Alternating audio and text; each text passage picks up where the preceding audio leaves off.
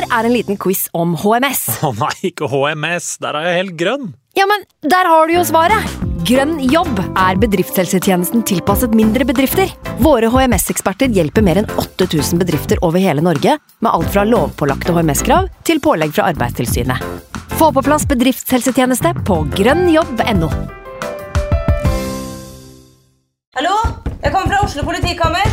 Ine Jansen er purk. Er du purk? The motherfucking bitch. Alt jeg vil, er å finne ut hva som skjedde med mannen min. Jon Carew. Er jeg sikta for noe? Iben Akeli. Det er du. Ole So, Lars Berrum og Big Daddy Karsten. Hvem sin side er du på, egentlig? Anette Hoff, Tone Danielsen, Kommer du fra Afrika? Jørnis Josef, Nesten. Kløfta. Trond Espen Seim, Det er synd å si det, men det var feil mann som døde. Purk. Premiere tirsdag på TV2 Play. I can't believe it. Football, bloody hell.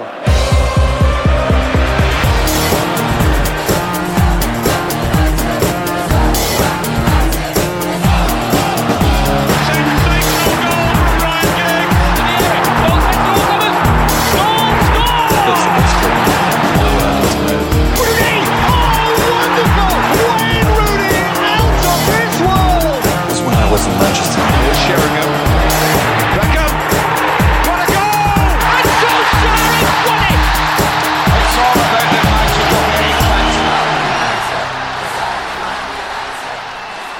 Ah, så var vi samlet her igjen. Det her pleide jo å være ukas eh, lystigste stund, det her. En kosetime blant gode venner. Nå er det fortsatt gode venner, for så vidt, men det er mer som gruppeterapi. Litt sånn som avrusning eller et AA-møte. Altså, vi er ikke her fordi at det er livsbejaende eller koselig, vi er her fordi det er det eneste stedet hvor folk forstår oss. Vi er her fordi vi ikke har noe annet sted å dra, rett og slett. Mitt navn er Ken, og jeg er United-supporter. Hei, Ken, skal dere si det. Hei, Ken. Hei, har dere aldri sett Hei. AA-møter på TV? Hei, er sånn Jeg har ikke. Vi er, vi er like apatiske alle mann, ikke sant? Så det er eh, Det blir en bra pod. Sånn er det nå en gang. Jeg har med meg to United-journalister i dag, som altså jobber med dette her eh, dag inn og dag ut. Eh, Dere kan jo tenke dere at det kanskje kan være litt krevende, eh, kanskje spesielt psykisk, i en tid som dette. Eivind Brennhoft Holt, velkommen. Jo, takk. Og Bjarte Valen, velkommen til deg også. Tusen takk. Veldig hyggelig å ha dere her. Jeg trenger dere nå, gutter. Likeså. Hvordan har dere det da i denne mildt sagt tunge perioden? Overraskende bra, egentlig. Ja. Jeg, Jeg, eh, jeg tenker tilbake igjen på der vi var under Louis van Gaal. Mhm. Jeg var i Danmark og så oss tape 2-1 mot eh, Midtjylland i Europaligaen. Med, med et lag med unggutter som jeg tenkte dette blir aldri United-spillere. Hva er det vi holder på med? Hvor står vi henne nå? Eh, jeg tror det er mye klarere plan og strategi og fremtidstenkning nå enn det var da. Men eh, for all del, resultatene er jo ikke veldig oppløftende om dagen. Nei, men du klarer på en måte å ha eh, Altså, du klarer å se framtiden i enden av tunnelen på et eller annet vis? Ja, jeg klarer det, men jeg er mer spent på om United-styret klarer det. De sier de gjør det, men eh, vi får se. Mm. Eivind? Nei, jeg la jo mitt ene studieår utenlands til Manchester under David Moyes, og jeg også har vært med på en del. ja, ja. Men det er klart, eh, det er noe med det vi får servert eh, den høsten her, og den berg-og-dal-banen man har vært igjennom. Ikke bare, ikke bare siden Ferguson i, i 2013, men hele Solskjær-epoken, da. Som uh, starta, som vi alle husker. Eh, og så får man den, uh, den avslutninga på sesongen som vi, som vi fikk, som kunne handle om mange ting, ikke sant? Eh, og så får man noen forsikringer om at jo, kanskje de er på rett vei i, i, i sommer. Eh, 4-0 mot Chelsea, og så er jo den nedoverbakken som det har vært siden. og for, jeg føler at for hver, for etter hver elendig elendige kamp i høst, så har man bare knuga seg til håp om at eh, det var, på, om ikke et arbeidsuhell, så var det en ny eh, bare en, en ny rekke av tilfeldigheter, altså skader og, og ting som bare ikke brikker som ikke var falt på plass. Så man knuger seg til håp om at neste kamp Kanskje vi da får se i hvert fall noe som kan gi oss en grunn til å tro. Mm. Og den kampen på St. James Park var jo kanskje det verste vi har sett hittil. Ja. Eh, og da blir det jo veldig, veldig vanskelig. Så jeg tror det var en engelsk mus som fikk gjennomgå eh, hos eh, Bjarte, som han kanskje vil fortelle om, men det, da, da gir det da, da, da, da tror jeg folk ikke lenger blir sinna. Jeg tror folk bare blir eh, matte. De veit ikke helt om de skal le eller grine. Du må fortelle om den musa med en gang. Ja, jeg skal ta og gjøre det. Eh, det skjedde ganske mye på hjemmebane holdt på si, siste uken med alt mellom himmel og jord, med, med svigerfar som havnet på sykehus og mye stress. Og til alt overmål så oppdaget vi når vi kom hjem fra Nederland at vi hadde fått mus på kjøkkenet. så det var å sette ut musefeller en masse. Eh, og jeg klarte å ta, ta ut Jeg fanget en mus i den ene fellen, men han var, han var ikke helt knertet, så han, var sånn, prøvde å stikke av mens han var i den musefellen. Så jeg klarte å hive den opp i to plastposer og skulle ut og ta, ta livet av ham på en skånsom måte, og akkurat å skåra Newcastle. Og da endte jeg opp på fortauet med en hammer og en pose. Og det ble ikke så veldig skånsomt, for å si det sånn.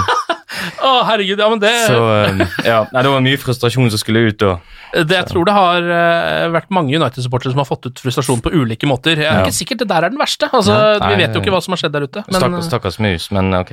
jeg husker at jeg en gang Dette her begynner å bli ganske lenge siden, men da kasta jeg laptopen min ut fra sjette etasje uh, etter et United-match, så ting kan skje når man sitter og ser på Manchester United. det har jeg aldri gjort. Jeg ville heller knerta mus enn å kaste Ja, laptop, tror jeg. Ja, den begynte å bli ganske ubrukelig, den laptopen, altså, det må sies. Hjertelig velkommen på besøk til London, Øyvind.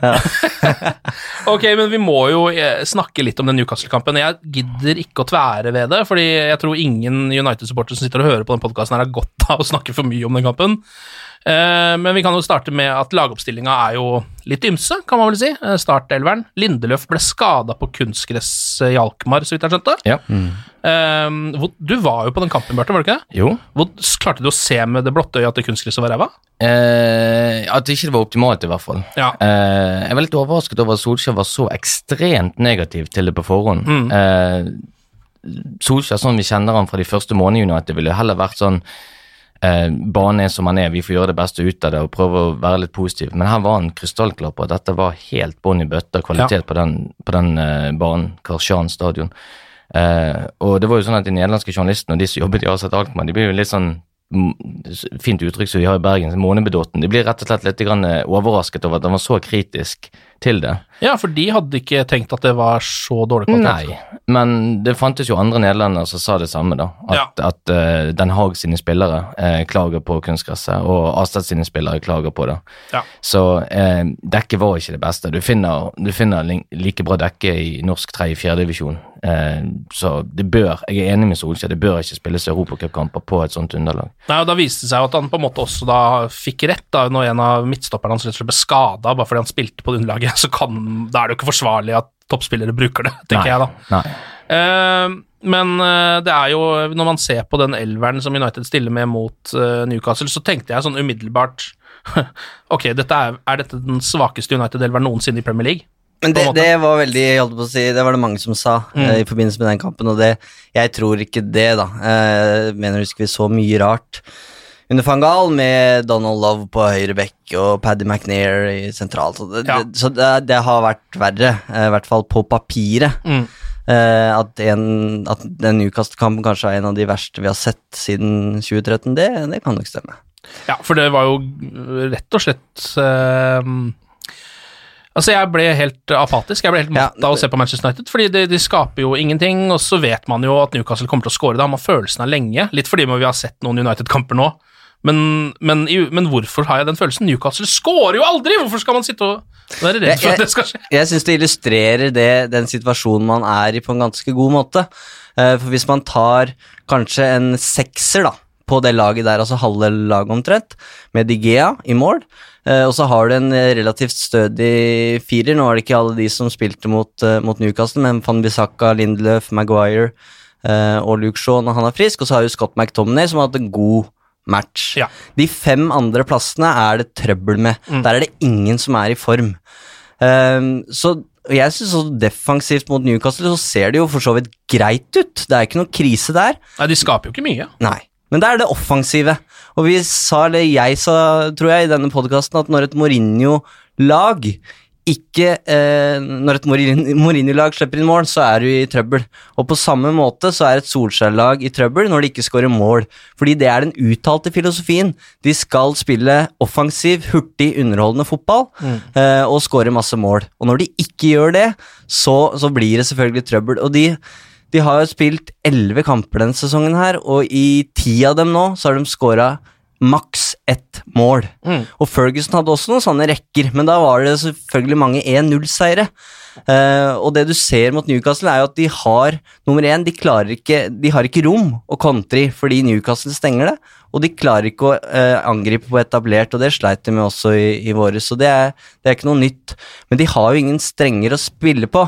Eh, og det er jo det som på en måte gjør seg gjeldende i den matchen, og som jeg også syns har vært, uh, vært uh, problemet da, i hele, i hele høst. Og du ser det mot Aset, ikke et eneste skudd på mål, og så tok, tar det en ny halvtime mot Newcastle da, før de før de får et skudd på mål, og da, og da er det et langskudd fra Andreas Pereira. Så Ja, rett på keeper. Rett på keeper. Så det er, er jo det alle spør seg om nå. Hva er planen, Solskjær? Hva er det du forteller spillerne dine i garderoben før de skal gå ut og bryte ned Newcastle? For det, det virker ikke som de veit hva de sjøl skal gjøre, og det virker i hvert fall ikke hva, at, som at de veit hva Seedman kommer til å gjøre. Mm. Uh, altså, um, man går stadig vekk tilbake til dette her, men uh, de første kampene under Ole Gunnar Solskjær, Mm. hvordan klarer man å se da, For da var det jo ren angrepsglede. Det var jo det som ble utløst av at Mourinho kanskje dro.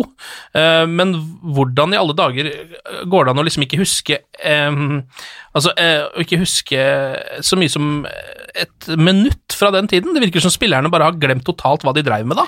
Det er jo mye av de samme folka som er utpå der. Ja, det er jo akkurat det som jeg var tenkt å si. Eh, minus Lukaku Sanchez, som egentlig hadde biroller i fjor, eh, og Smalling, som var litt inne og ute av laget, og en Matteo Darmen og Antonio Valencia som knapt spilte, så er det jo det samme laget. Minus én spiller som vi åpenbart savner, Ander Herrera. Ja. Og han var nok den som Solskjær ville hatt med videre. Og jeg tror det er én ting vi har sett innledningsvis i denne sesongen her, så er det at vi savner en sånn midtbanetype, en sånn Mm. Han har vi ikke klart å erstatte.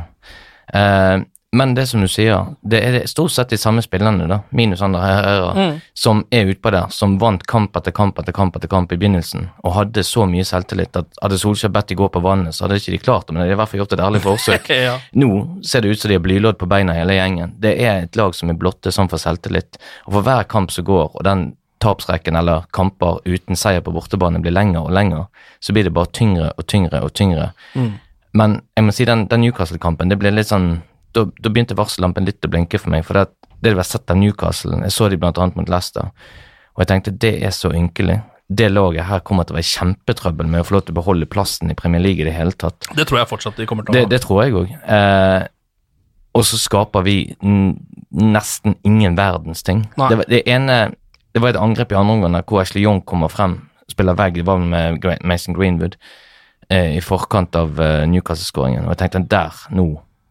Og så istedenfor å skyte sjøl på første touch, så skal det tilbake igjen Ja, til altså, du, du ser spillere med høye skuldre, det er nerver. Det, det, er, ikke, det er ikke det naturlige. Jeg tror jeg er frem, Kall meg gjerne litt naiv, men jeg er fremdeles på den at hvis vi bare klarer nå å vinne en bortekamp, og skulle vi f.eks. slå Jeg tror den pausen som kommer nå, før Liverpool-kampen, den kommer så gunstig for United. Nå får de tid til å jobbe i fred og ro, får tid til å få eh, skadede spillere tilbake igjen. Skulle ikke forbause meg om vi faktisk slår Liverpool i den kampen, men så kommer det store spørsmålet. Hva gjør vi i bortekampen etterpå mot Partisan og Norwich og Bournemouth? Mm. Fortsetter vi en god trend der hvis vi da slår Liverpool, eller er det tilbake igjen til tap og dårlige kamper og uavgjort? og Det er de kampene som kommer til å bli utrolig viktige nå, for nå får vi etter Liverpool så er det fire bortekamper på rad, Ja, noe sånt, ja. Og de kan bli make or break, altså. Så du har litt troa på en slags snøballeffekt hvis de først klarer Ja, å vinne en forbanna bortekamp? Ja, absolutt. For jeg tror det er det som stopper dem. Det, det er mye fotball i disse spillene, det er mye, men du mangler den som kan gå foran og ta laget Mm. eh, og drive det fremover. Og, og vi har vel sett gang på gang at hvis Pogba får ha en eh, som styrer, holdt jeg på å si, og være litt sånn innpisker, så kan han godt være dirigenten eller kelneren, holdt jeg på å si, og servere, men han er ikke den som driver laget på egen hånd. Eh, men det er åpenbart at vi savner han. Vi savner midtbanen med Pogba og Herrera, tenker jeg. De utfylte hverandre bra. Ja, og så savner man jo utvilsomt en uh, getter, da. En goalgetter. Fordi Marcus Rashford er jo, det må vi jo bare stikke fingeren i jorda og si allerede, han er jo ikke en goalgetter-nier ennå, i hvert fall. Få se om han blir det, og om han blir en bedre venstreving, det vet vi ikke ennå. Men han øhm, Det er vanskelig å stole på unggutten til å kunne liksom være Zlatan foran der. Men du ser jo den Newcastle-kampen er jo også et perfekt eksempel på hva, hva psykologi og selvtillit betyr i fotball. Eh, sånn som jeg skjønte det i hvert fall eh, fra på min TV, så virka det som det var et St. James Park som var eh, virkelig klar for kamp. Det har vært mye, mye misnøye der eh, de siste månedene også, med, eller åra, med, med eierskap og sånne ting. Men, men det var et eller annet med laguttak til Steve Bruce, to ganger Longstaff på midten der, som gjorde at det og det å kunne ta rotta på United, ja, det er, er og fremst det, det er altså. alltid stas for, eh, for de 19 andre klubbene i Premier League. Nå vet jo lag som Newcastle at når United kommer på besøk, så er det veldig sannsynlig at vi slår dem. Ikke sant? Fordi Ja, det er det jo men det er fortsatt like gøy. Ja, ja, ja, enda gøyere, nesten. Ja, og jeg tror om, ja, om spillerne smitta fansen, eller om det var omvendt, eller om det var begge, si, begge parter som var like gira, så ser du hva, spesielt da når scoringa kommer, og det er eh, yngstebror Longstaff som, som kliner den inn, så, så, så virker det nesten som eh, United Altså luft, like mye luft går ut av ballongen til United da, som, eh, som den Newcastle-ballongen blåses opp. Mm. Og du ser det på kroppsspråket til, eh, til Rashford, og du ser det på hele United-laget at det er, det er et lag som, som ikke har trua på det her, da. Ja. Uh, så, så vi skal ikke undervurdere det, men det er jo selvfølgelig da Det er jo noen som må ta ansvar da, for å på en måte gi dem trua tilbake igjen. Eh, og den viktigste psykologen i en fotballklubb, det er jo manageren. Altså, sånn er det jo bare. Og nå er det Liverpool neste, og det er, det er en gyllen mulighet. Fordi med en seier der vil bety så mye, my, mye mer enn en det tre poeng mot Newcastle ville betydd. Eh, og så veit vi alle hvilken, eh, hvilken eh, utfordring det er. Eh, nå kommer vi sikkert mer inn på rykter og Solskjær og sånn etter hvert, men det skrives jo at liksom den kampen blir avgjørende for Solskjærs fremtid og sånne ting, og det, det tror ikke jeg, da, fordi jeg ser nesten på den kampen som en eh, kamp der Solskjær ikke har noe å tape. Eh, Ja, bortsett fra en, altså, en ren slakt, da. ja, det, det, kan der du har si. han veldig mye å tape. Det kan du si. Eh, men, og det er, det er vondt å, å si det, selvfølgelig, men Liverpool er såpass langt foran, både på tabellen og på fotballbanen, at et tap der vil på en måte ikke være noen form for krise. Nei. Og så handler det selvfølgelig om hvordan det skjer. Vi husker at Mourinho fikk jo sparken etter et Liverpool-tap, men det jeg, jeg ser for meg her at det her kan bli en åpen åpen match der, eh, der United kan få med seg noe, da Klopp har fortsatt ikke vunnet på Old Trafford. eh, men dette sa jeg også før Arsenal-kampen, og det er det som bekymrer meg litt. nå. Steve Bruce hadde heller aldri slått United som Nei, ja. Han har nesten ikke slått noen. Nei. Men bare for en liten sånn digresjon, det er litt interessant å se. Veldig mange snakker om at Old Trafford var et fort under Ferguson. Det var det for så vidt. Men i 15 av de sesongene han ledet Manchester United i Premier League-æraen, så var United det beste bortelaget i Premier League. Hvor mange Mm. ligatitler ble ikke lagt grunnlaget for da på bortebane? Mm. Eh, ganske imponerende. Etter Ferguson ga seg, så det nærmeste vi har vært toppen, det var i 2017-18 under Mourinho, var det vel. Da var vi det tre beste bortelaget. Ellers har vi vært Ja. helt ned på niende-tiendeplass. Var det det da de hadde den seiersrekka, det var det ikke da? Hvor de vant både hjemme og borte? Eller det var ikke seiersrekke, men i hvert fall en ikke-tapsrekke. Ja. Mm. David Moyes var vel bedre på bortebane enn på hjemmebane, men det var vel neppe likevel nok Nei, til han var, middels begge steder. Ja. Da blir det fort en middels plassering. Men du var jo innom det, Eivind, at United har på en måte ikke noen uh, angrepsplan. da I den grad de har det, så er de ikke dyktige nok til å utføre den, iallfall.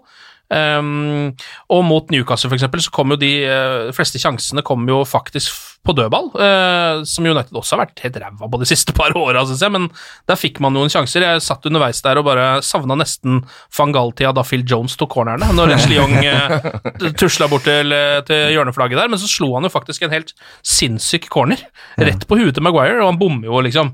Og det er jo For det, det der hadde vært seiersmålet hvis den hadde gått inn. Ja, på 1-0. Det blir ikke noe flere mål i den kampen her, da. Eh, Maguire skårer ni av ti sånne. Han gjør jo det òg, sant? Men, nå gjør han ikke det. Akkurat når vi trenger det som mest, så, så er det liksom stang ut. Det er litt typisk. Og så er det jo da eh, altså yngstebo Longstaff, Matty Longstaff, som avgjør kampen. Han har jo en eh, gir oss et lite skremmeskudd først, skyter i tverrliggeren, eh, og så skårer han da kampens eneste mål. Hyggelig for han, helt forferdelig for alle som heier på dem i rødt. Ja. Eller så tror jeg, bare for å snakke om noe helt annet Det syns jeg høres jo veldig bra ut. Jeg tror eh, mange snakker om Pogba og hvor viktig han er for det United-laget her, men den spilleren jeg eh, er mest spent på nå, som skal komme tilbake, det er Anthony Martial. Mm. Uh, han har vært lenge ute, uh, gikk vel av mot Southampton uh, i slutten av august, så han er sikkert rusten, men bør få sjansen ganske, ganske raskt her, og det handler rett og slett om å skape en annen dynamikk i den angrepstrioen der. Han er den som er best til å utfordre. Han kan få noe til å skje. Eh, der er ikke helt eh, Rashford og heller ikke James, syns jeg. Selv om han har farta, så er han best Mm. når han, han må ha noen meter da, for Ja. å slå ballen og, og løpe etter. Martial er også det beste oppspillspunktet, eh, som en nier av de United-spillerne som er i troppen nå, i Ja, og det var han som ble brukt som nier eh, av Solskjær på slutten av sommerturneen og inn mot sesongen, så det har hele tida vært planen. Mens Rashford skal være en, en kantspiller. Og jeg syns vi, jeg og Bjarte, prøver å sette opp uh, laget vi tror skal starte før hver eneste match, og det er jo det, det har jo blitt en uh, fryktelig greie, for hvem er det som har gjort seg fortjent til å spille i de fire offensive posisjonene der framme? Daniel du- James. ja, det, det er han ene. Og så har du Juan Mata, som er en uh, flott fyr, og som har masse rutine og har vært en veldig god fotballspiller, men som den sesongen her ikke har vært noe som helst. Han har ikke levert et eneste målpoeng. eh, og det var noen fryktelige stats på hvor mange touch han hadde på siste tredjedel av banen mot, mot Newcastle. Um, og det handler sikkert om, om flere ting, men det fungerer ikke. Men han får jo starte neste kamp fordi alternativet er Tai Chong, som ikke har tatt nivået. Mm. Og det her er, er jo et kjempeproblem, at du kan du, kan, du har på en måte ikke det presset på det. Andreas Pereira veit at jeg er sannsynligvis inne, selv om jeg leverer en middels dag i dag, fordi alle andre også gjør det. Ja. Så det å få inn Martial der, eh, Rashford ut på kanten igjen, eh, og så er det litt kamp om plassen igjen, det tror jeg gjør det laget er godt. Altså Pogba og Martial i form, iallfall, eh, dobler jo kvaliteten på det laget ganske lett, vil jeg si. Da, har det, da er det i hvert fall noe trusler offensivt.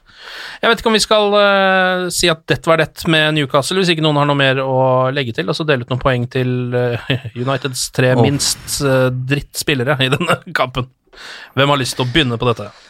Du kan få starte, Eivind. Jeg synes jo, eh, jeg har skjønt at det ikke er så mange med meg her, men jeg syns Ashley Young var en av de som hadde en uh, brukbar match mot Newcastle. Han har mange innlegg, og så treffer Ja. han ikke så mange, men Men det er ikke så mye mer å ta det av. er liksom hva skal man grave, hvor, ja, hva skal man grave etter her?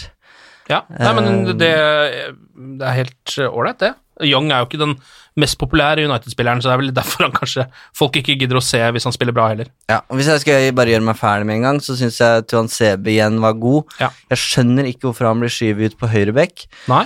Det er også Rojo som eh, ikke tar ut dybde på 0-1 der. Eh, jeg skjønner ikke hvorfor han ikke kunne spilt venstreback, og så hadde man holdt på Maguire og Tuan Sebe sentralt, som jeg syns fungerte veldig godt. Ja, jeg er enig i det. Sistemann uh, overlater jeg til Bjarte, hvis han er enig i mine to. Uh, du langt på Young og John Sebe? John Sebe. Uh, tja Tja, tja, tja. McTominay er jo den spilleren som kanskje har vært i best form, da, utspillerne i det siste. Han hadde Ja. ikke en kjempekamp mot Newcastle. Nei, Han hadde ikke det, han syns- eh, Jeg syns jeg har sett mye bedre utgave av han tidligere. Ehm, Så har du jo De Gea i mål, som eh, Ikke gjorde noen feil, iallfall. ja, feil. jeg, jeg, jeg, er- jeg er fristet til å gå for han i mangel av noen bedre alternativer. Uh, Skåringen jeg, jeg, ender opp med De Gea som sistemann. Ja. Uh, det, det som gjør litt grann godt nå, eh, hvis vi skal klamre oss til et lite halmstrå, det er jo det at vi slipper motstanderne generelt sett til relativt få sjanser. Eh, og De Gea virker å være atskillig mer på hugget nå enn han var på tampen av fjorårssesongen. Virker tent nå også. Ja, og det- Sur. Kanskje, kanskje har det noe med den kontrakten å gjøre. Jeg, det, det, jeg, jeg likte egentlig å se det intervjuet med han etter kampen mot Newcastle, hvor han virkelig sier at dette her er flaut, og dette her er ikke United verdig i det hele tatt. Eh, fint, Mm. men ta det med og vis det på banen neste gang. Ja. Sant? Og få resten av laget med deg. Du er kaptein. Ja. Men han er, ja, men han er jo altså, sånn, hvor mye, Jeg vet ikke hvor mye man kan gjøre som keeper, rent sånn kapteinsmessig er det jo litt, men, Ja. men han er jo en av altså, sånn, I den grad en keeper kan stå fram, så har jo ikke han Nei. vært noe dårlig denne sesongen. her i Nei Eh, og sånn, nå var jo Young på banen, så nå var vel han kaptein, men altså, Ja. når han ikke er der, så er det veldig gøy å få kapteinspinnet. Mm. Men, men eh, ja. Nei, men eh, jeg tror vi får gå for det som de tre minst dårlige, for å si det sånn. Hvem av de var den eh, aller minst dårlige, da? Altså den beste? John CB Sebe. Ja, okay. ja, det kan jeg leve med. Tuan Sebe på tre poeng, to poeng til Young og ett poeng til David De Hea, da. Ja. Ja. Um, Mason Greenwood eh, får seg Jeg vet ikke om han blir skada i Newcastle-kampen, eller om han drar med seg noe videre inn i trening, men han er i hvert fall ute nå. Han ble trukket eh, tilbake fra U21-landslagstroppen. Mm. Uh, altså, har dere kommet til noe som helst forklaring på alle disse sinnssyke skadene, eller? De, altså akkurat med den tida av året holdt jeg er minst bekymra for skader, det er i landslagspausene, for da skal det Ja. utrolig lite til før klubbene holder igjen spillerne sine. Ja. Av naturlige årsaker. Så jeg eh, er villig til å bare tenke at det kan ha vært kunstgresset som har skapt noen uh, Ja. potensielle slitasjeskader der, og at uh, han er tilbake igjen.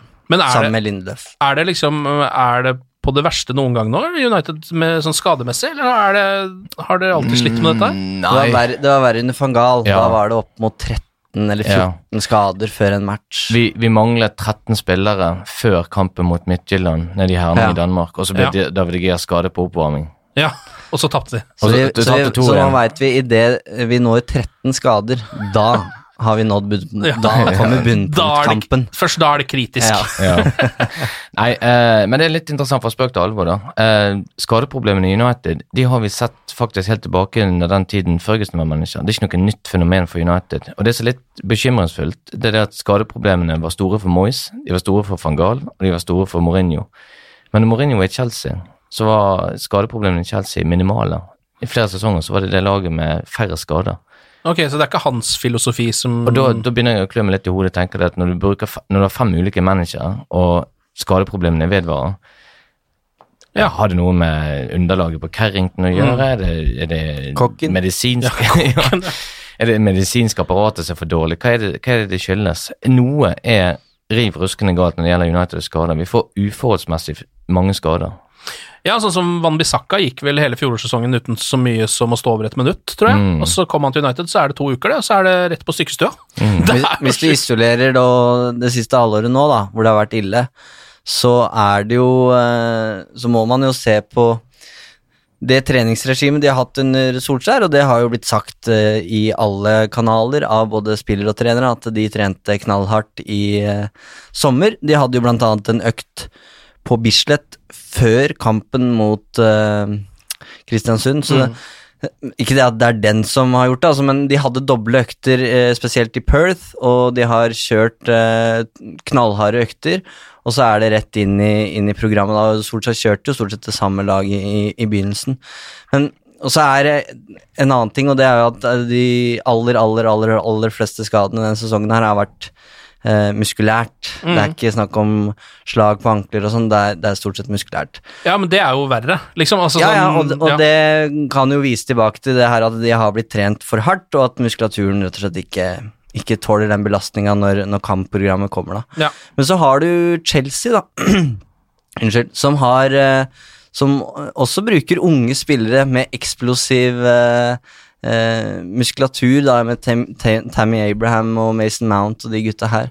Og det har gått helt fint, og de spiller Champions League, Premier League, Ligacup. Eh, så det er jo et mysterium, men eh, ja, som det vel ble nevnt i forrige pod, det skal jo da være ansatt en ny fysioterapeut, så får vi se om han kan få fart på sakten, men de har, de har styra med det her før også. Ja, de har det, ja. Mm. ja. Uh, United ligger jo nå altså like over uh, nedrykk. Ja, Nær- nær- fem, poeng opp til topp fire. så det- Nærmere championship enn Champions League. Ja, nærmere. Championship enn League, ja, det er riktig det. Eh, for første gangen siden Ole Gunnar Solskjær fikk den jobben permanent, så står han vel nå i reell fare for å få sparken? Eller hva tenker dere? Um, det var jo veldig interessant når eh, United presenterte årsregnskapet sitt eh, tidligere i september, når, eh, når eh, Ed Woodward tok ordet i denne her eh, investor call som han har med alle disse her forretningsforbindelsene og samarbeidspartnerne. Han pleier alltid å gripe fatt i det mest positive.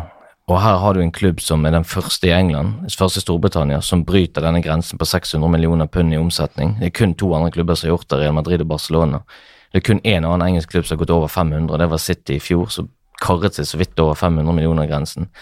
Og det er jo omsetningen fra i fjor for Manchester United. Ja, Ja, her. så, eh, sj- eh, 1718 til 1719 Ja. til fra 1. juli til 30. juni. Mm. Eh, men Istedenfor å gripe tak i det, så går han rett inn og leser nesten opp et sånt statement på vegne av United at de, vi vet hva vi holder på med, vi har tro på ungdommene, vi har tro på manageren, og vi har blitt enige med felles filosofi, og liksom tar en skikkelig forsvarstale.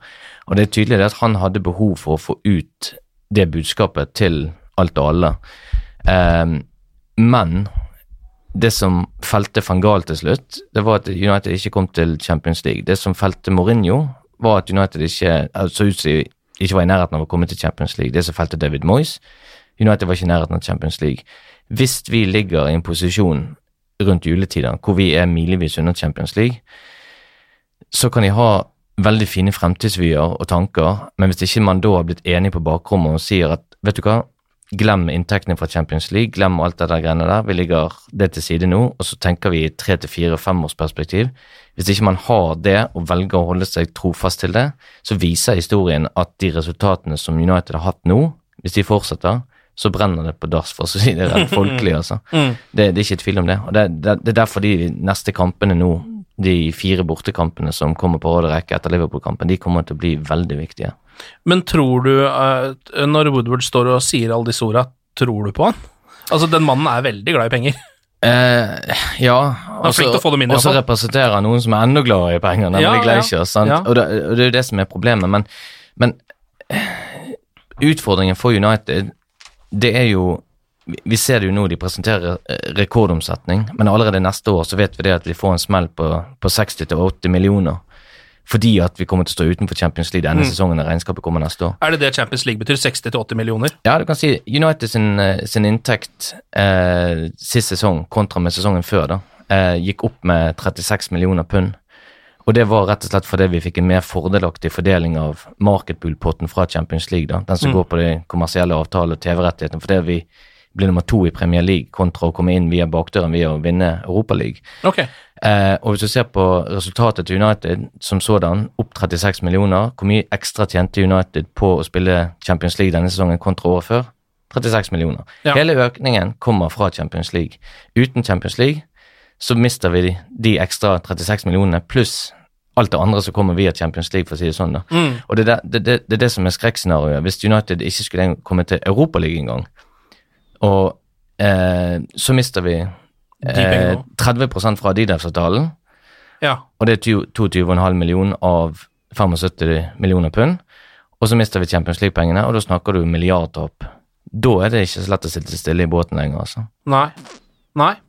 Eh, altså, nå er jo eh, Ole Gunnar Solskjær får jo mye kritikk, han. Eh, men det virker som at i hvert fall veldig mange Manchester United-supportere retter mye av kritikken også mot Glaciers og Woodward, da. Eh, skal vi ta en liten oppsummering av hva den kritikken egentlig går ut på? Fordi det er ikke like lett å følge med på som kanskje eh, at Ole Gunnar Solskjær taper noen kamper og det, folk vil gi han sparken. Nei, altså jeg, jeg tror folk flest, og United-fans flest nå eh, de, de er ikke veldig imponert over det, det laget presterer, men de, de har lyst til å frikjenne Solskjær litt grann, for grunn av at det var så åpenbart at United hadde trengt å investere enda litt mer i sommer. Når vi slipper både Sanchez og Lukaku, og vi sitter igjen med en Martial som vi vet har en viss skadehistorikk, eh, Rashford og en 17 år gammel Mason Greenwood som nå er nettopp er blitt 18, det er tynt. Spesielt hvis vi vet at det kommer skader, og det har det gjort. Og dermed så er vi ribbet til beinet. Vi burde gått all in for å få en ny spiss på plass. Vi er, vi er for tynt besatt av det samme på midtbanen. Så fikk ikke de tak i det førstevalget som de ville, uten at Solskjær sa hvem det var, men han sa det var veldig nært. Eh, men det betyr antageligvis, tror jeg, at du kommer til å se et United som kommer til å prøve noe i januar, helhjertet, for første gang egentlig siden Sanchez kom. Og i alle fall kommer til å gå all in neste sommer. Eh, Men igjen, det kommer litt an på finansene. Mm. Er vi i Champions League? Fint. Da vet vi at vi har 80 millioner ekstra å handle for. Det er en toppspiss. Det er en glimrende midtbanespiller. Er vi ikke der, så blir det så mye vanskeligere å selge inn det prosjektet. Mm. Eh, hva tenker du, Eivind? Du eh, liksom eh, Frykter du at Solskjær kommer til å få sparken?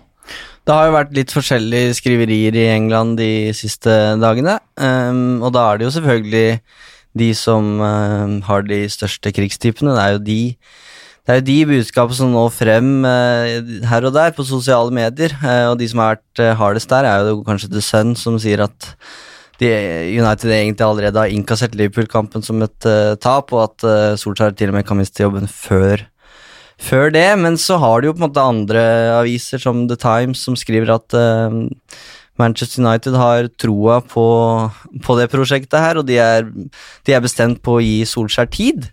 Så det her blir på en måte ord mot ord, og så får man uh, tro på de uh, artiklene man, man vil, da. Ja.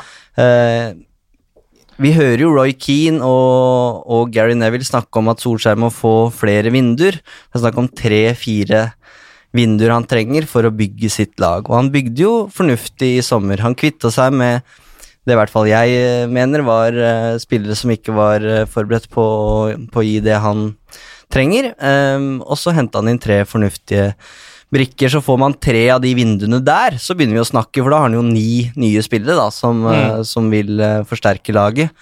Men spørsmålet er jo hvor hvor mange flere poengtap tåler det laget her, da? Ja. Hvor mange vinduer kan du få? For det kan ikke være sånn at man på en måte tre-fire kamper ut i sesongen tenker ok, ja ja, det var den sesongen, men vi har jo neste år. Vi veit jo hvilket lag som har tenkt sånn, og det, det er ikke alltid at det bærer frukter. Og med det poengsnittet de har nå, så ligger United an til å ende på 15.-plass, Mm. hvis du ser på, på forrige sesong. Og det sier seg sjøl, det går ikke. Og det vil ikke være det første langsiktige prosjektet i fotballen som skrinlegges. Eh, Så Solskjær er jo på ingen måte freda, men jeg har ingen tro på at det skjer noe nå i landslagspausen, eller at et eh, kall det ordinært tap for Liverpool vil endre på noe. Nei. Når Ed Woodward har stått og sagt at vi har Mm. troa på det prosjektet her, så, så kan han på en måte ikke sparke Ole Gunnar Solskjær fire uker seinere. Det, det går ikke. Og spørsmålet er jo som alltid, hva er alternativet? Er det Michael Mm. Carrick som skal ta over som midlertidig manager? Og i alle dager, hvilken retning er det de skal stake ut da? For da har de sannelig prøvd det meste. Eh, og jeg mener jo at den ansettelsen av Solskjær var jo, mener mange, Woodwards siste forsøk. Så for han å sparke Solskjær nå, eller når det eventuelt eh, skjer, vil være et enormt tap. Og presset på han kommer til å øke uansett Mm. eh, hvor, når og hvordan det, hvordan det skjer. Ja, men Det er ett spørsmål som jeg syns United-supportere kanskje ikke stiller seg, og det er vel i hvert fall ikke her i Norge, kanskje fordi vi uh, er litt patriotiske til Solskjær eller hva det er, men det er vel heller ikke Altså, hvis jeg skal være helt ærlig, jeg syns jo ikke det er forsvarlig å gi Ole Gunnar Solskjær tre, fire, fem vinduer på å skape et Manchester United-lag, for han har jo ikke bevist noe som tilsier at han skal få tre, fire, fem vinduer. Det er tre, fire, fem Det er et par-tre år, det. Med fotball, som kan være helt bortkasta, som det var med Mourinho og van Gaal, bare at denne gangen er det en mann som ikke har vist noe, som skal stå og være ansvarlig for alt dette. Ja, du er nødt til å se en positiv trend i spillet, da. Det Ja. som skjer på banen. Eh, Det er en veldig romantisk og flott tanke å ha Ole Gunnar Solskjær som United-manager, men det, det, det må Det man snakker om, da, underholdende fotball, gi unge talenter sjansen, det, det, det må faktisk gi noen resultater. Mm. Eh, Du må vinne noen fotballkamper, og Mason Greenwood og Gomez og Chong de må faktisk levere når de får sjansen. Man kan Ja. ikke bare bruke unggutter som van Gaal gjorde for å se om man treffer på en eller annen. Mm. Uh, Det må være en det må, Altså Hele filosofien må jo på en måte eh, gi suksess på et eller annet vis, og vi er nødt til å se de, den positive trenden da, før sommervinduet. Ja. Nei, det er akkurat det, fordi jeg bare, altså sånn, det er jo mange United-supportere som, eh, som hele tiden sier vi må gi han et par-tre år på å få i stand dette laget. Se bare på Pep og Klopp. De, fikk, de var freda i flere år. Mm. Og det var de, eh, men de var også Pep og Klopp idet de ble freda. Ja. Altså Ole Gunnar Solskjær er Ole Gunnar Solskjær, han er Molde-trener, nå Manchester United-trener ut av det blå. Han, kan ikke bare, liksom, man kan ikke bare si sånn Da skal han få gjøre hva han vil i tre-fire år, og så skal vi bare la det holde på. Nei, men, men jeg må si det at de grepene som Solskjær gjorde i sommer, jeg har applaudert det. Jeg mener, hvis du så i fjor, United slapp inn 54 ligamål. Det er det høyeste antallet baklengsmål vi har hatt i ligaen i en sesong på eh, 40 år. Det er helt spinnvilt. Han skjønte det at vi er nødt til å oppgradere den høyrepekeplassen. Vi er nødt til å få inn en ny midtstopper. Så Forsvaret har blitt bedre. Det Sånn- har det jo. Og, og Daniel James har jo på en måte vært den positive beholdningen for United så langt denne sesongen. Han har levert bedre enn det vi kunne forvente. Så jeg syns de tre spillerne som eh, United har hentet under Solskjær, har på en måte slått til. Og det, Ja, og det er en fjær i hatten for han. For det at når du så van Gaal, når han gikk agurk med sjekkheftet til United og han hamstret inn over en lav sko, Ja. så var det jo, det var jo en håndfull spillere der som var fullstendig bortkastet. Ja. Hva gjorde egentlig Bastian Schweinsteiger? Hva gjorde Morgan Schneiderlin? Sant? Altså, det var jo, og, og litt det samme kan sies om Mourinho. Mkhitaryan viste jo bare glimtvis hva han var god for. At en glimrende sesong eh, i, i første sesongen hans i 2016-2017 for Erik Bailly, så har jo han på en måte bare hatt skadetrøbbel, alt har vært bare rot og røre. Mm. Var god første året, eh, og Pogba har vært så som så Mm. eh, i forhold til hva vi forventet. Eh, men så har jo så blir jo kjøpene til Mourinho også gradvis verre, kan du si. sant? Altså Vi venter jo fremdeles på å se det beste av Dalot. Eh, Ja. Fred, eller Fredski. og Ja. Det spiller ingen rolle hva vi kaller han, han er, får det ikke til uansett, liksom. sant? Eh, men jeg tenker jo også sånn at for de som nå forventer en endring, eller krever en endring, og sier det at Solskjær må ta sjøl og alt dette greiet hvis, hvis du vil ha en endring, så må du alltid stille deg selv spørsmålet hva er alternativet? Hva er det vi ville gått for hvis ikke vi hadde gått for Solskjær? Og da er jeg ganske sikker på at det som United ville forsøkt, det hadde vært å gå all in for Pochettino. Ja, det tror jeg. Og signalene som vi har fått og fanget opp, var at han ville vært interessert i å snakke med United. Men det var signaler vi fikk ganske tidlig i vår, før Solskjær fikk jobben permanent. Ville det ha endret seg når han tok Tottenham til Champions League-finalen og var så nær liksom å vinne det første store trofeet på Tottenham på evigheter? Sannsynligvis. For plutselig så var det liksom Tottenham følte de var så nær noe stort. Mm. Og så vet vi jo det at det har gått litt på ratata i Nord-London òg siden den gangen der. Men hvis vi hadde gått for Pochettino, hva er det første han hadde gjort hvis han hadde sittet ned og snakket med Ed Woodward og, og Gleischer-familien? Han hadde bedt om tre-fire vinduer for å skape laget sitt. Han Mm. hadde, han hadde satset på ungdommen, han hadde blitt kvitt uromomentene i, i troppen. Det, det må jo være et eller annet med Alexis Sanchez som riv ruskende galt, bortsett fra ukelønnen hans, når Solskjær velger å, å sende han ut og stole på at de tre spissene som han råder over med en snittalder på 21 år, og sånn, skal gjøre jobben. Det sier alt egentlig om hvor dårlig innflytelse han må ha hatt, eh, Sanchez må ha hatt i den United-gruppen. Eh, men jeg, jeg er ganske sikker på at Pochettino hadde angrepet den jobben på akkurat samme måte som Solskjær hadde. Jeg er helt sikker på at han Mm. hadde òg snublet litt grann i begynnelsen. Uansett hvem Ja. som hadde vært manager nå for dette laget her, så ville det vært trøbbel. Du så det òg, eh, bare for å ta en liten sammenligning med, med Liverpool, når Jørgen Klopp kom inn som manager. Jeg satt og så på en av de første lagoppstillingene hans når de tapte 2-1 hjemme for Crystal Palace. Det er jo én eller to spillere igjen fra den troppen der som er i Liverpool i dag. Resten er nytt. Fordi Mm. han har fått backingen fra ledelsen. De har tatt steg for steg. Det blir nummer åtte første sesongen under han. Ja, ja. Så kom de opp til fjerdeplass, og så ble de fjerde igjen. Og i fjor ble de nummer to. Det har vært en naturlig progresjon. Mm. Spørsmålet er tør United-ledelsen å gjøre det samme? Har de guts nok til å stå for det? Og selvfølgelig det tredje spørsmålet, hvorfor i all verdens land og rike skal United-ledelsen stritte så enormt imot å få inn en sportsdirektør som kan på en måte legge inn langtidsplan? Jeg skjønner det ikke. Men jeg har ett et motargument, da. Og det går tilbake på, til poenget ditt, eh, Ken. Fordi Pep og Klopp de hadde meritt, merittene sine. Det har, har ikke Solskjær. Um, og en annen ting som eh, Pep og, og Klopp hadde på det tidspunktet også, var en helt tydelig filosofi og stil. De var begge helt klare på hva, hvordan de skulle spille da de tok over eh, Liverpool og, og City.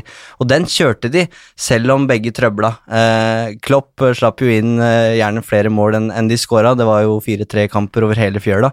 Eh, og de bekkene Husker jo City de drev og spilte med Joe Hart som en slags playmaker-keeper i starten der også. Det gikk Ja, og så bra. bekkene som skulle trekke inn og ikke visste hvor de skulle gjøre av seg til slutt. Så de har jo brukt tid på å utvikle sin, sin filosofi i klubben og lykkes med det, mens med Solskjær så sitter man jo nå og bare hva Greit, man skal spille underholdende fotball, men ok, grav dypere i det. Hva betyr egentlig det? Skal man bruke kantene? Er det overlapping fra bekk? Skal man, eh, er det tikki taka? Skal man eh, spille seg gjennom? Er det bare kontringsfotball? Altså, du må ha jeg, jeg tror hvis noen skulle ansatt Ole Gunnar Solskjær nå, så hadde de vært litt usikre på hva de egentlig, hva de egentlig kom til å få. Ja, for man altså de eh, Kjerneordene hans ser man jo ikke. Man ser ikke underholdende, man ser ikke attraktiv, man ser ikke kjapp. Liksom, ingen av de ser er kombinasjon Man ser ikke angrepsspill. Nei, man ser ikke kombinasjonen, og det er det som, er, som gjør det litt sånn vanskelig å vite om om eh, Hadde man sett en helt tydelig stil her, at Solskjær prøvde å innprente en, en eller annen form for filosofi som kanskje var vanskelig å, å håndtere, kanskje han hadde de, ikke helt de riktige spillerne, så hadde det vært litt enklere å gi inn litt slack på akkurat det, da. Mm. Eh, men nå, nå skaper de jo ikke sjanser. Det handler ikke om at de, at, at de brenner uh, mange sjanser, men de, de skaper nesten ingenting. Mm. Så hva, hva er det man egentlig prøver på? Det er sant. Uh, men bare for å si det sånn veldig tydelig, da. Jeg er en kjempestor fan av å gi Solskjær tid. Men i Manchester United så vil historien vise deg at hvis resultatene er for dårlige, så er du i trøbbel. Men jeg, jeg vet at mange sier det var en helt annen tid under Førgesen og bla, bla, bla, og alt det der, men mye av mekanismene er de samme. Mm. Det tok tid for han når han overtok det laget til Ron Atkinson, å hente de rette spillertypene og bygge opp laget. Og det laget som ble nummer 13 i serien i 1990, når vi vant FA-cupen, stammen i det laget, eh, minus da Petter Schmeichel og Erik Cantona som kom senere, det er jo det laget som vinner ligaen i 1993, et par Mm. år senere, og dominerer engelsk fotball i ti år fremover. Så jeg tenker sånn at nå har United prøvd eh, Når Ferguson ga seg, så prøvde de med David Moyes.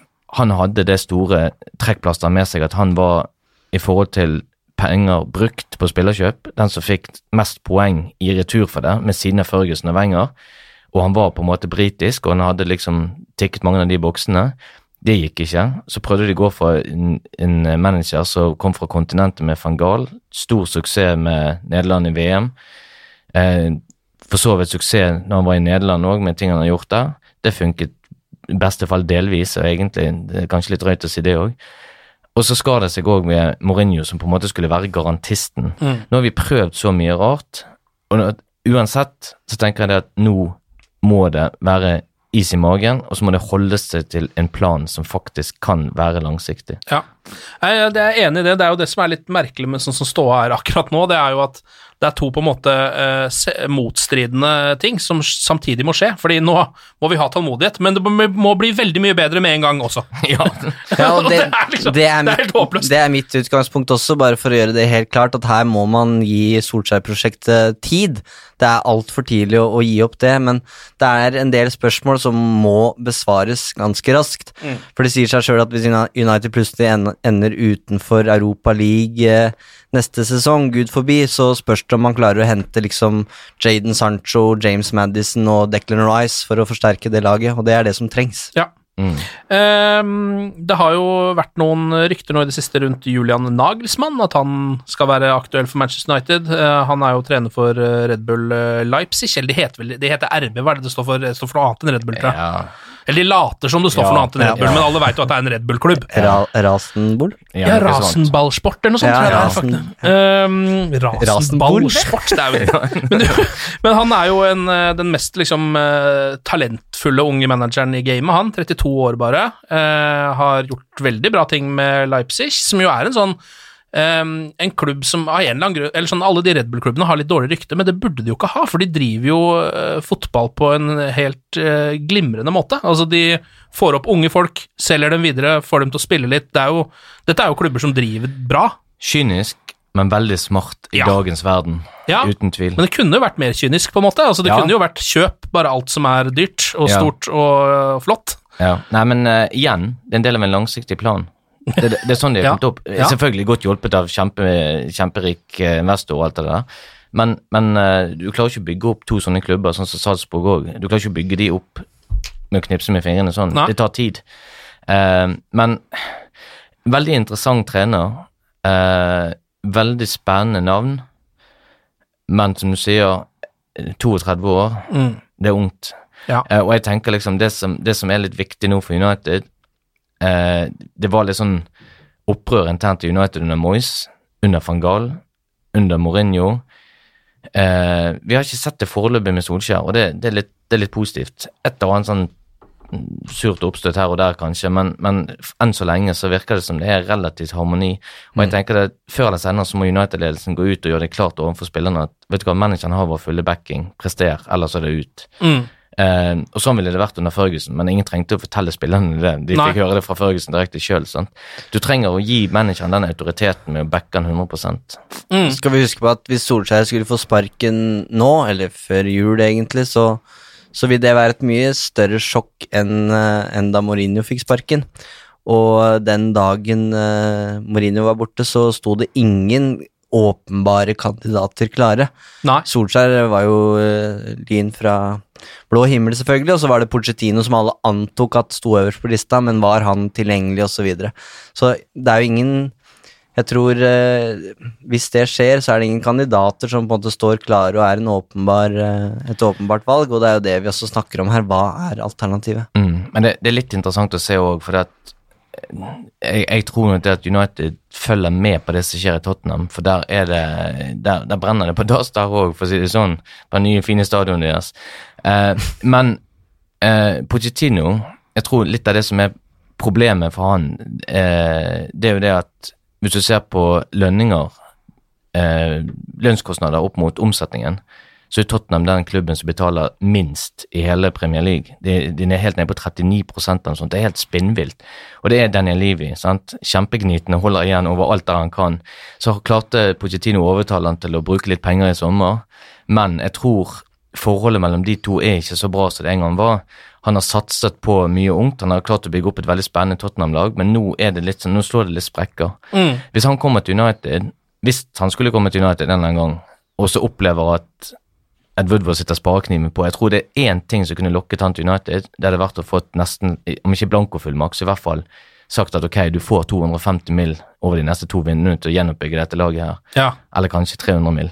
Ja. Da hadde han, da hadde han kanskje tenkt sånn så at vet du hva, da skal jeg jaggu meg få en feiende flott fotball til Old Trafford. Det, Ja. det er en utfordring jeg, jeg liker tanken på. For han har fått en tier i ukelønn, han, og så har han nå blitt adoptert bort, og da får han plutselig 400 kroner. Og det skjønner jeg jo, da går man jo med på det. Da er det helt glimrende, da. Um, Det er jo en overgang man kan se for seg, altså fra Solskjær til Pochettino, som du sa, Bjarte, at Pochettino ville også helt sikkert begynt bakerst hvis han eh, ble United-manager i, i sommer, og et av prinsippene som vi veit Solskjær har, er jo at de skal trene hardt, og det er også noe Pochettino vil, eh, vil gjøre med sine lag. Så, så sant sett så, så kan man se noen likhetstrekk som gjør at den overgangen nødvendigvis ikke er så, så stor, og det er ingen tvil om at den dagen Solskjær eller Pochettino får sparken, så kommer de ryktene der til å ta fyr, Mm. fordi det er en så naturlig kobling. Ehm, så Hvis ikke så er det, altså hvis Solskjær får sparken og man ikke har noen andre å putte inn, så er det jo uh, tre folk som ikke har noe å gjøre nå, og det er jo eh, David Moyes, eh, det er José Mourinho og det er Louis van Hall. Ja. Så det er bare å få ringe til de gutta. Ja, En av de har vel sagt han har gitt seg, men uh, Ja, han har sagt det, ja, men hvis han får et nytt forsøk med Men- Manchester United, så ender Moyes nå i Everton, og så får vi Mourinho til Tottenham, og så Hvem er det van Gahl skal ta over, da? han kan feriere i Portugal og kose seg der. Jeg tror det blir best for han. Um, Jeg tror ikke vi rekker noe mer, for nå har vi sittet og babla altså, så forbanna lenge. Skal vi se her. Så hyggelig, da. Ja. Jeg kan eh, bare ta på slutten her at eh, Bastian Schweinsteiger har lagt opp nå. Ja. Uh, Det var jo ikke store greiene han fikk til i Manchester United, så var vi innom. Nei, det var jo ikke det. Jeg kritiserte han jo her tidligere, men uh, helheten i karrieren hans er det jo ingen som kan eh, ta fra han. Han ble jo verdensmester. Han, er jo, han er, var jo en fantastisk spiller med, med Bayern München. Og jeg, som jeg alltid har sagt, Bastian Schweinsteiger, å se han i United-drakt, det var egentlig en drøm for meg, men det skjedde fem år for seint. Ja, det gjorde det. Eh, Men det var også litt deilig bare å se det. Ja, Bare se ja. han i drakt. Han trengte egentlig ikke å spille engang. Ja. Trengte bare de bildene av han i rød drakt. Ok, Liverpool er neste motstander. Det er jo såpass lenge til nå. Nå er det jo landslagspause, så jeg tenker at vi trenger ikke å eh, snakke for mye om det nå. Takk. Men gruer dere dere, eller? Nei, jeg er så i angrepsposisjon. Og stakkars de musene hjemme på kjøkkenet. Hvis vi taper den kampen der også, sier jeg bare Ok, men da tror jeg vi sier at det var det for i dag. Bjarte og Eivind, tusen takk for innsatsen. Glory, glory.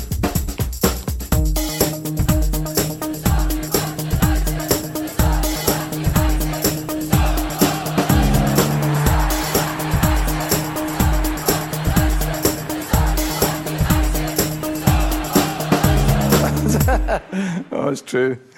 I've seen many things. Moderne media. Ukens annonsør det er matkasseleverandøren Hello Fresh. Der kan du velge mellom 25 ulike oppskrifter hver uke, eller få Hello Fresh til å sette sammen en meny for deg. Jeg sparer tid på å handle, oppskriftene er veldig enkle å lage, og så får jeg akkurat det jeg trenger da, til hver eneste rett, så jeg slipper å kaste så mye mat som jeg vanligvis gjør. Det er også litt deilig å faktisk slippe å gå på butikken, ikke bare fordi det er tidkrevende og sånn, men fordi man ender opp med å kjøpe så mye greier, så man egentlig ikke trenger, sånn som fire poser eh, Smash og en kick med havsalt, f.eks. Det er ikke det du egentlig er der for, du er der for å kjøpe, kjøpe middag. Så det er en veldig eh, kjekk ting. I tillegg så er det jo eh, ferdigporsjonerte ingredienser, det blir mindre matsvinn, og du betaler bare for det du faktisk trenger, og det du faktisk da spiser. I tillegg så blir det da levert på døra til et fastsatt tidspunkt, sånn at du kan få det akkurat når det passer for deg eh, sjæl. Hvis HelloFresh høres ut som noe for deg, så har jeg en rabattkode du kan bruke også. Gå inn på hellofresh.no og bruk koden HelloUnited24. HelloUnited i ett ord, også 24, og få opptil 1779 kroner i rabatt på de fem første matkassene dine hvis du ikke har prøvd HelloFresh ennå. Du kan også bruke koden hvis du tidligere har vært kunde, men har stoppa abonnementet ditt for tolv måneder siden eller mer. Det er ingen bindingstid, og du kan pause eller avslutte abonnementet ditt akkurat når du selv måtte ønske. Husk koden HelloUnited24, og bon appétit! Ukens annonsør er Folio, en smartere banktjeneste for deg som har en egen bedrift eller ønsker å starte for deg selv. Folio er en superenkel nettbank for bedrifter. Som kunde i Folio får du en bedriftskonto med et bedriftskort og app. I denne appen er det smarte løsninger som forenkler regnskapet ditt, uansett om du har en liten bedrift eller et enkeltpersonsforetak. Folio er både intuitivt og brukervennlig, og er laget med et enkelt språk. I tillegg tilbyr de forutsigbare priser og ingen skjulte gebyrer. Skulle du likevel trenge det, så kan du snakke med deres raske og hyggelige kundeservice, og der får du prate med en faktisk person og ikke en chatbot. Folio er med andre ord både enklere og koseligere enn banken. Over 10 000 bedrifter har allerede valgt Folio som sin banktjeneste, så besøk folio.no og se hvordan Folio kan forenkle din hverdag også. Har du et enkeltpersonforetak eller en liten bedrift? Da er du sikkert lei av å høre meg snakke om hvor enkelt det er med kvitteringer og bilag i fiken, så vi gir oss her, vi. Fordi vi liker enkelt. Fiken superenkelt regnskap.